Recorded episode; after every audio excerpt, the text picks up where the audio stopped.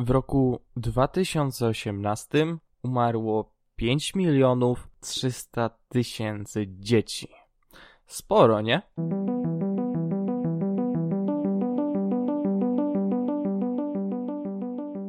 Czy można przejść obok takiej liczby obojętnie? Ponad 5 milionów zgonów wydaje się być olbrzymią liczbą.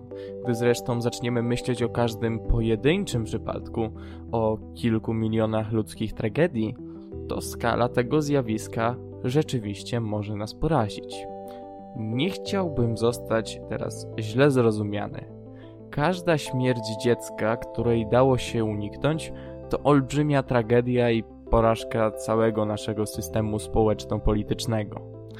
Ale gdy spojrzymy na te sprawy odrobinę szerzej, to bez problemu dostrzeżemy, że w istocie ta liczba jest naprawdę mała, najniższa w historii. Cofnijmy się na chwilę do roku 1990, e, roku wielkich przemian, gdy Związek Radziecki zaczął powoli chylić się ku upadkowi, podobnie zresztą jak ustalony w Jałcie nowy porządek świata. Wówczas na świecie umarło 12,5 miliona dzieci. 10 lat później, gdy świat wchodził w nowe tysiąclecie, przedwcześnie nadal umierało niemalże 10 milionów dzieci. Po kolejnej dekadzie liczba ta spadła do 7 milionów, a obecnie wynosi mniej niż 5. Progres jest więc nawet więcej niż zauważalny.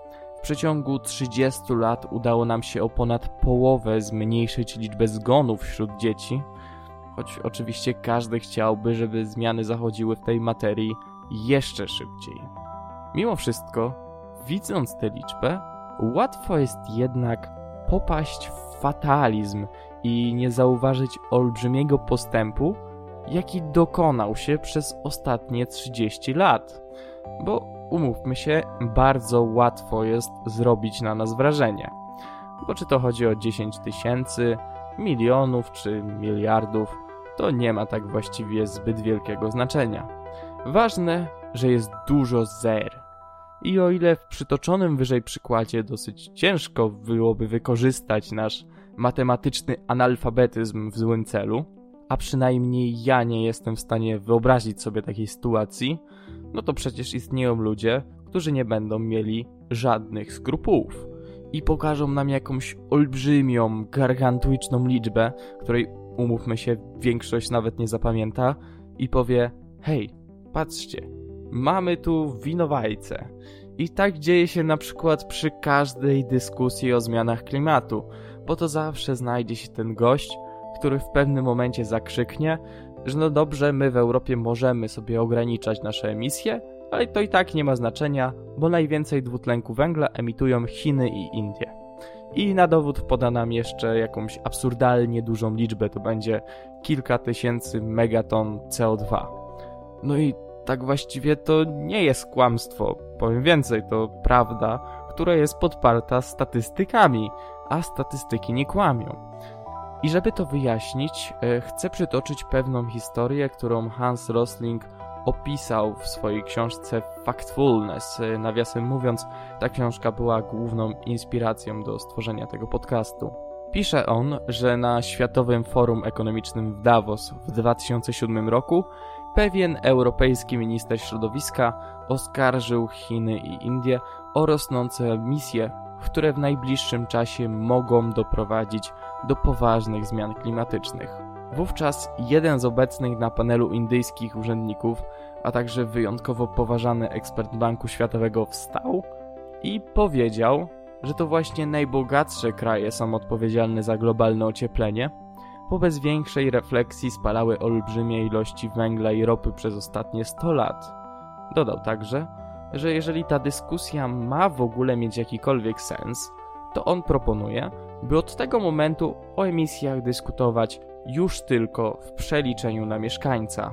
Bo gdy spojrzymy na dane per capita, to bez większego problemu zauważymy, że przeciętny obywatel Stanów Zjednoczonych emituje do atmosfery 16 razy więcej dwutlenku węgla niż przeciętny obywatel Indii i ponad dwukrotnie więcej niż mieszkaniec Chin.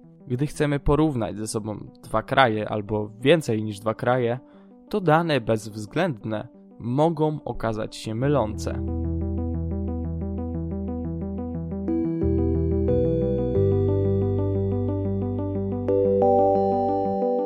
Do obrony przed tego typu manipulacjami posłuży nam narzędzie, w które wyposażyli nas nasi nauczyciele już w szkole podstawowej. Chodzi mianowicie o umiejętność dzielenia. Stworzenie swojego własnego wskaźnika nie jest zbyt trudne. W najprostszej opcji, na przykład przy obliczaniu emisji per capita, wystarczy po prostu podzielić jakąś tam liczbę przez liczbę mieszkańców kraju albo jakiegoś regionu. Od razu jednak powiem, że nie powinniśmy popadać ze skrajności w skrajność. Gdy na przykład chcemy porównać ze sobą potencjały militarne dwóch krajów, to dzielenie liczby żołnierzy przez wielkość populacji raczej nie da nam żadnych mądrych wyników. Taki wskaźnik udowodni nam jedynie, że Watykan to potęga militarna. Kilka osób zapewne zwróciło już uwagę, że sam popełniłem podobny błąd na początku tego podcastu. Wtedy przytoczyłem wam dane na temat e, liczby zgonów wśród dzieci. A przecież to, że 30 lat temu umierało 12,5 miliona dzieci, a teraz powiedzmy tylko 5, może wynikać na przykład z tego, że na świecie jest mniej dzieci. Ponownie spójrzmy na statystyki. W roku 1990 na całej Ziemi żyło 641 milionów dzieci poniżej 5 roku życia. Jeśli przyjmiemy, że umarło 12,5 miliona z nich, to śmiertelność wyniosła 2%. Obecnie przy 673 milionach śmiertelność spadła poniżej 1%.